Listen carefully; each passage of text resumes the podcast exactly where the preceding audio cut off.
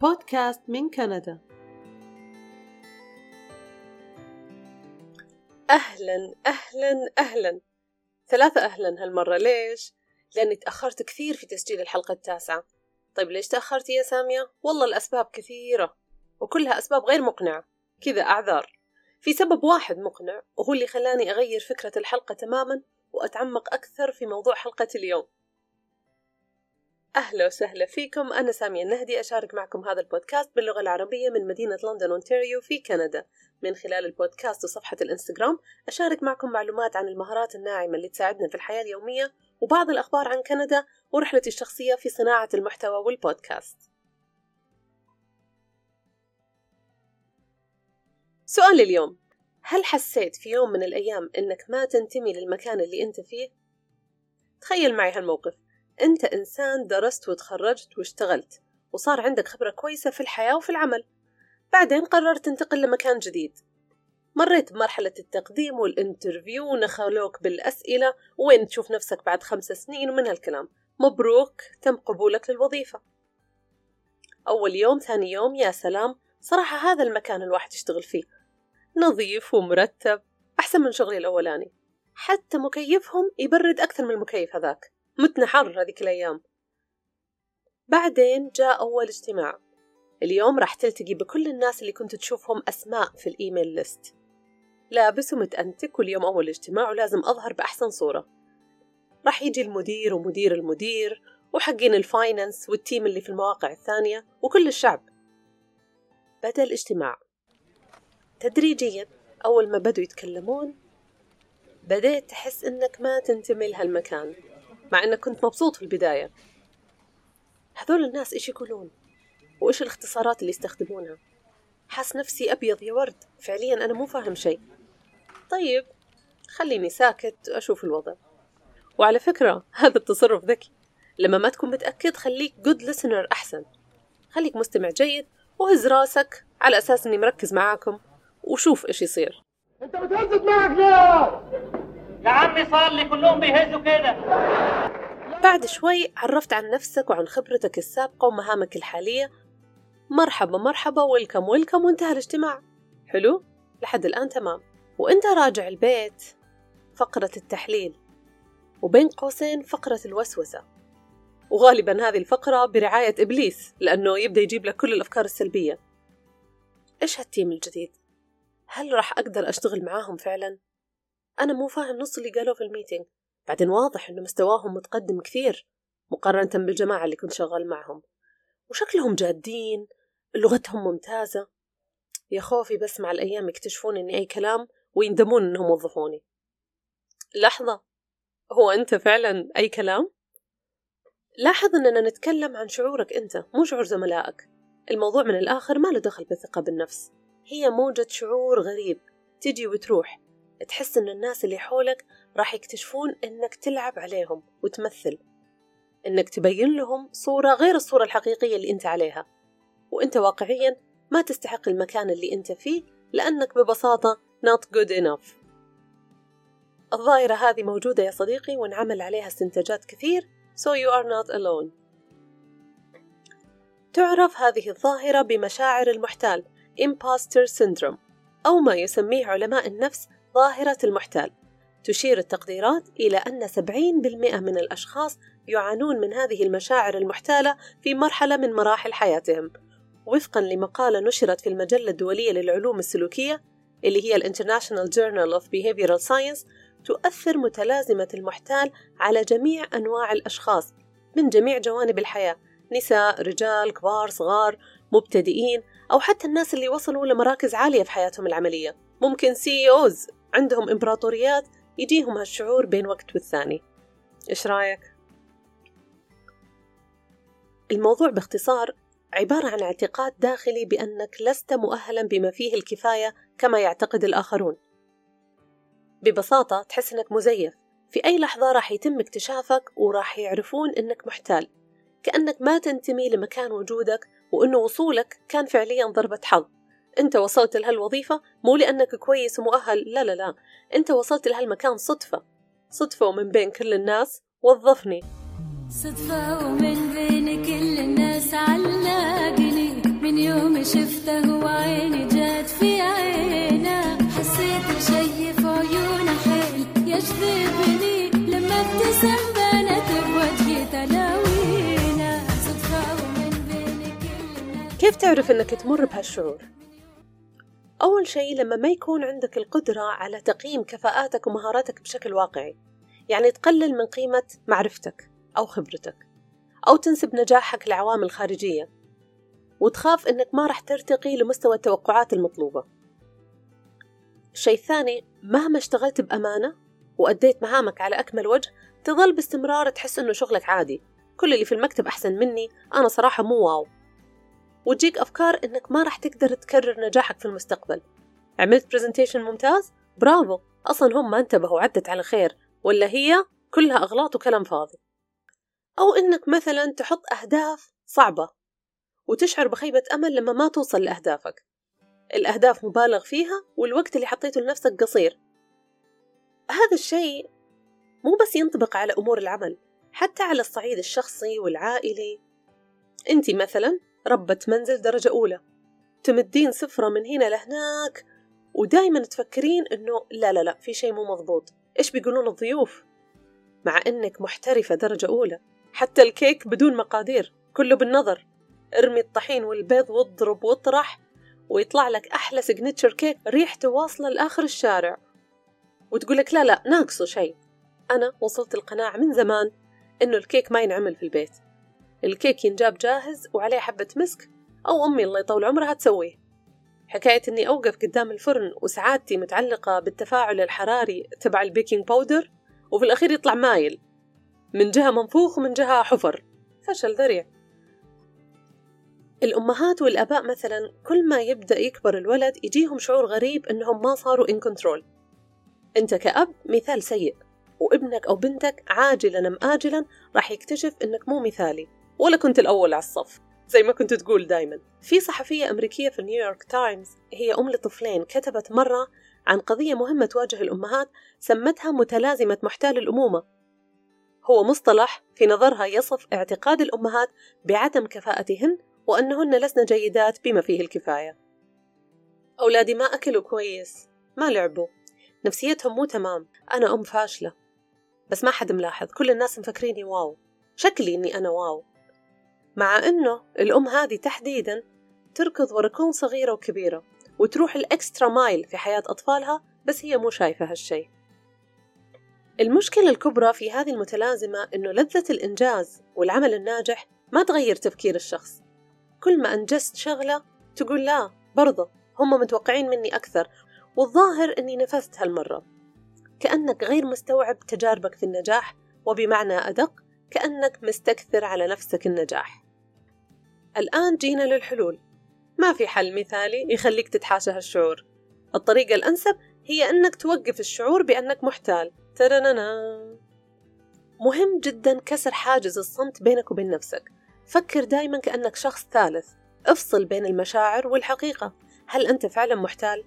ولا أنت حاس أنك محتال؟ انتبه لموضوع استجابتك للأخطاء. كون مع نفسك مو عليها. معليش يا نفسي يا حبيبتي أنت تعبتي وعادي جدا ترتكبين بعض الأخطاء وأصلا ما في أحد ناجح ما يخطئ. القاعدة الذهبية اشعر واستمتع بالنجاح. يا سيدي أنت تستحق السعادة هذه أنت تستحق الفخر اللي أنت فيه. أنت كويس مو محتال. استمتع بالإنجاز مهما كان بسيط واشعر بسعادة النجاح. إيش رأيكم أحكي لكم قصة قصيرة؟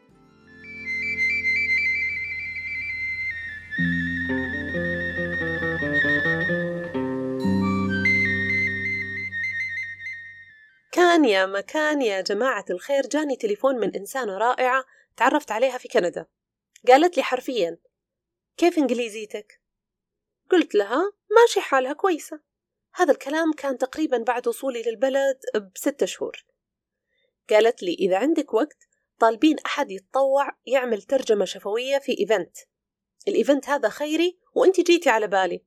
تحبين تروحين؟ من خلال حياتي المهنية تعلمت أني ما أستعجل برفض أي فرصة جديدة. لو كنت أقدر عليها طبعا. وأعتبر هذا الشيء نعمة وصراحة شفت أثره على الصعيد الشخصي والمهني. لأني مؤمنة إن الفرص تمر قدامنا بصورة مستمرة والخيار لنا إنه ناخذها أو نخليها تضيع. هذا جانب. الجانب الثاني حب استطلاع. بين قوسين فضول. جديدة في البلد وأبغى أشوف إيش عندهم. يلا أنا موافقة. راح أشارك معكم بال event. I'm in. وصلني إيميل منها في تفاصيل المكان قالت لي روحي الساعة الفلانية اسألي عن جولي. اللي في بالي كان تجمع أشخاص معينين يتكلمون مثلا عربي وفي أحد كندي راح يقول معلومات عن شيء معين وأنا راح أكون واقفة معاهم أترجم بطريقة كاجوال هذا اللي كان في بالي. الموعد كان في اليوم الفلاني الساعة سبعة المساء أنا كنت هناك في المكان الساعة ستة. لأني وقتها دائما عندي شعور أني بروح مكان غلط ولازم يكون عندي مجال أركض أروح للمكان الصح. لأني لسه ما أفهم الشوارع ولا العناوين. أول ما وصلت المكان في مدخل تمشي فيه يوصلك لقاعة. عند باب القاعة جاتني أم الركب. أم الركب هي شعور يصيب الركب عندما يشعر الشخص بالخوف والتوتر فتصبح ركبه غير قادرة على حمله. يستمر هذا الشعور حتى يخرج الشخص من حالة الخوف والتوتر ويشعر بالاطمئنان. وشكرا. هذا تعريف بسيط للي ما عارفين إيش هي أم الركب. المكان يا جماعة كبير. كبير. كأنه أوبرا. عبارة عن مسرح وفي مدرجات الناس المفروض يجلسون فيها. فوق في زي ال balconies. يعني راح يكون في جمهور قدامك وعالم فوق. أنا ما راح يوضح لي الموضوع غير جولي. وينك يا جولي؟ يا جماعة نادوا لي جولي. جات جولي. Hi, are you the interpreter? yes, أنا ال interpreter. وندمانة.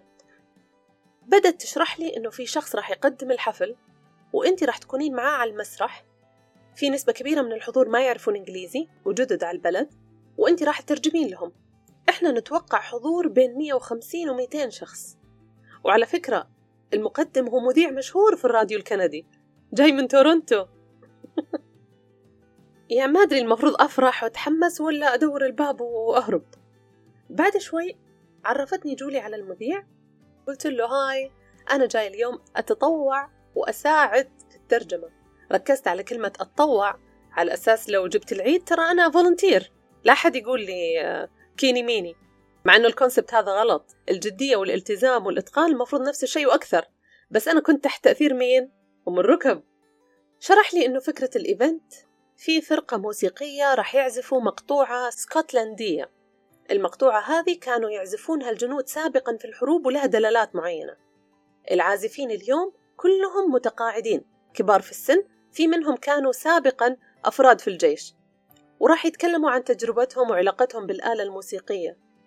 راح يكون الموضوع عفوي وانتي خليكي على المسرح معاي وترجمي الكلام اللي ينقال بالعربي. أها يعني آلات موسيقية ومعزوفة اسكتلندية وجنود وحرب. يا أبو سوسو ده جدي كان بيشرب اللي لاحظته أن الثقافة هنا ثقافة مرنة وغير متطلبة. وخاصة إذا شعروا إنك محتاج مساعدة يحاولون يبسطون عليك الموضوع علشان تحس إنك مرتاح. بدأوا الناس يدخلون القاعة. العدد بدأ تدريجيا يكثر. أنا أخذت جنب بحيث إني أكشف المسرح وشغالة جوجل ترانزليت. أتأكد من أسماء الآلات الموسيقية وأتأكد من معاني بعض المفردات اللي ممكن نكون نستخدمها. كانت النص ساعة هذه دهر. طبعا نسيت كل أسماء الآلات الموسيقية. ونسيت أصلا إني أنا أعرف إنجليزي. هو أنا أصلا أعرف إنجليزي؟ yes give me hamburger me hamburger ده ألماني؟ آه المانيا الشرقية. يلا يلا خلاص خلاص بسرعة ما في وقت. okay بسرعة يلا. آه كمان violin. آه عود. لا لا ما في أعواد ما عندهم أعواد آه أشوى جيتار جيتار وبيانو نفسهم بالإنجليزي والعربي. okay حلو.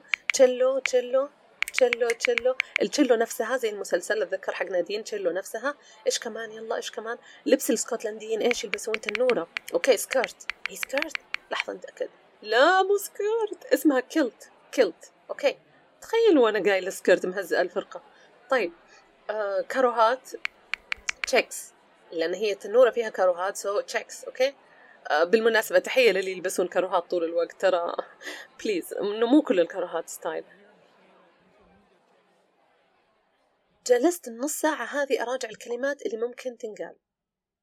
في شخص عزيز علي كان لما يشوفني دائما متوترة يقول لي إيش أسوأ شيء ممكن يصير يعني؟ على أني ما أحب المنطق هذا أحيانا بس تحديدا هذيك اللحظة كان مهم أني أفكر بهالطريقة. إيش أسوأ شيء ممكن يصير؟ بترجم غلط؟ منظري بيكون بايخ؟ الناس كلها راح تطالعني؟ الناس هذول يعرفوني؟ لا.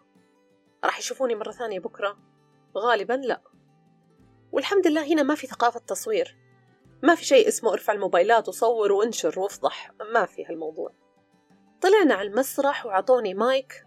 أول دقيقتين كان يحاول يفهمني كيف بنشتغل. يعني كان يقول كلمة ويعطيني مجال إني أترجمها. جربنا مرتين ثلاثة وفهمت اللعبة. وبعدين خلاص المسرح صار لعبتي. شخصيته كانت حلوة. كان متمكن ويتحرك ويضحك الناس والعالم مبسوطين من طريقته وكان الوضع ممتع. في نص الكلام قام يمدح اللغة العربية وقال أنتوا كيف تنطقون هالحروف؟ أنا مستحيل أتعلم هاللغة. وصار يسأل كيف أقول هلو بالعربي وجلس يجرب يقول مرحبا تعرفون حركات ال you know, يلطفون الجو. التعاون كان عالي وفي قدرة رهيبة على تبسيط الأمور. لأنه في النهاية كلنا متطوعين والبرنامج هذا أصلا ترفيهي وغير ربحي والثيم كله كان فن. هنا الخبرة والتمكن خبرة المذيع خبرة أعضاء الفرقة الموسيقية هنا ال soft skills اللي دائما أتكلم عنها. بغض النظر هل كان عزفهم رائع هل كان كلامه مدروس في مهارات تساعد الشخص أنه يحتوي الموقف ويتميز فيه حتى لو كان في تقصير من أحد الجوانب. هي بس متلازمة المحتال الله يهديها تحالفت مع أم الركب والإثنين جتهم خضة من حجم المكان ولعبوا فيني لعب. الحفل كان رائع الناس انبسطوا وبعد ما خلص الإيفنت قابلتهم سلمت عليهم great job thank you يعطيك العافية. الإيفنت كان ناجح على بساطته كان ناجح. بعدها بكم يوم أحب أقول لكم وصلني شيك على البريد ب 100 دولار. 100 دولار مكافأة على دوري الفعال والمهم في إنجاح الحفل. هذا مكتوب في اللتر مو من راسي. النجاح حلو يا جماعة مهما كان بسيط. أي فرصة تقدر تلمع فيها خذها. الدرس المستفاد لا ترفض الفرص لمجرد أنها جديدة. والشيء الثاني أم الركب ومتلازمة المحتال ممكن يكونون أصحاب دورك إنك تخرب الصداقة هذه وتفرقهم الله لا يردهم الثنتين. على سيرة النجاح تشوف نفسك ناجح؟ على أي صعيد؟ المهني، المادي، العائلي؟ أيام الدراسة كان تقييم النجاح سهل تروح المدرسة كل يوم تعمل هوموركاتك وتذاكر للامتحان وتختبر وتنجح ويا الله ومبروك وعبد الحليم يغني لك ده مفيش فرحان في الدنيا زي الفرحان في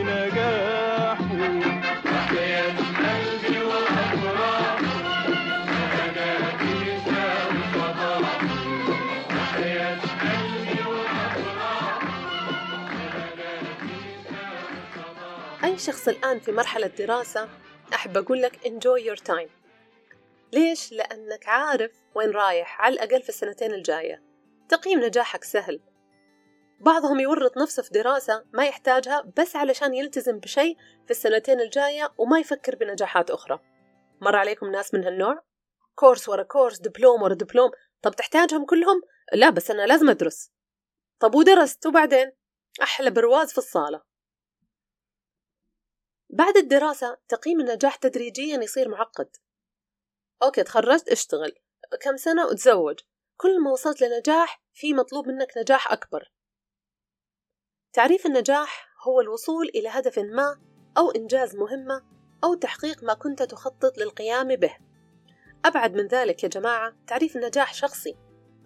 في واحد نجاحه إنه يصير دكتور في واحد نجاحه إنه يصير يوتيوبر. كلهم ناجحين. مهما كان مستوى نجاحك وإنجازاتك وارد جدا تمر بمتلازمة المحتال وصحبتها. لكن لا تسمح للشيء هذا أنه يأثر عليك. مهما اختلف تعليمك أو بيئتك تظل شخص مميز تمتلك شيء مو موجود عند غيرك. خبرتك وأفكارك يشكلون تركيبة خاصة ناتجة عن كل اللي مريت فيه في السنوات اللي فاتت. مستحيل يكون أحد زيك مية بالمية. أنت مو أي كلام. أنت عندك أشياء كثيرة ممكن تضيفها على عملك وبيتك وعلاقاتك. لا تشك في نفسك ولا في قدراتك. ممكن أنك تشك في معلوماتك مثلا. حلو ناقصك معلومات ممتاز. روح تعلم وبعد ما تتعلمها استخدم الشيء اللي تعلمته. وممكن أنك تشاركه مع الناس. وزي ما قال أحد الفلاسفة إن أردت أن تتقن فنا فعلمه. هنا يجي دور صناع المحتوى. ليش نصنع ونشارك المحتوى اللي يهمنا مع العالم؟ ليش نتطوع وناخذ من وقتنا وجهدنا علشان نتواصل مع ناس ما نعرفهم ونساعدهم من أماكن مختلفة في العالم. بغض النظر عن العوائد المادية من هالمجال في شيء ثاني مختلف تماما له أثر أكبر على الشخص وعلى المجتمع. كل هالأسئلة وأفكار ثانية عن صناعة المحتوى راح أشاركها معكم بإذن الله من واقع تجربتي الشخصية في الحلقة العاشرة من البودكاست واللي راح تكون آخر حلقة من الموسم الأول بإذن الله. أنا سعيدة جدا أن صوتي يوصل ولو بشكل بسيط للعالم. تابعوا صفحة البودكاست على الإنستغرام علشان نكون على تواصل. شكرا لاستماعكم. كنت معكم سامية النهدي. ألقاكم على خير يا رب.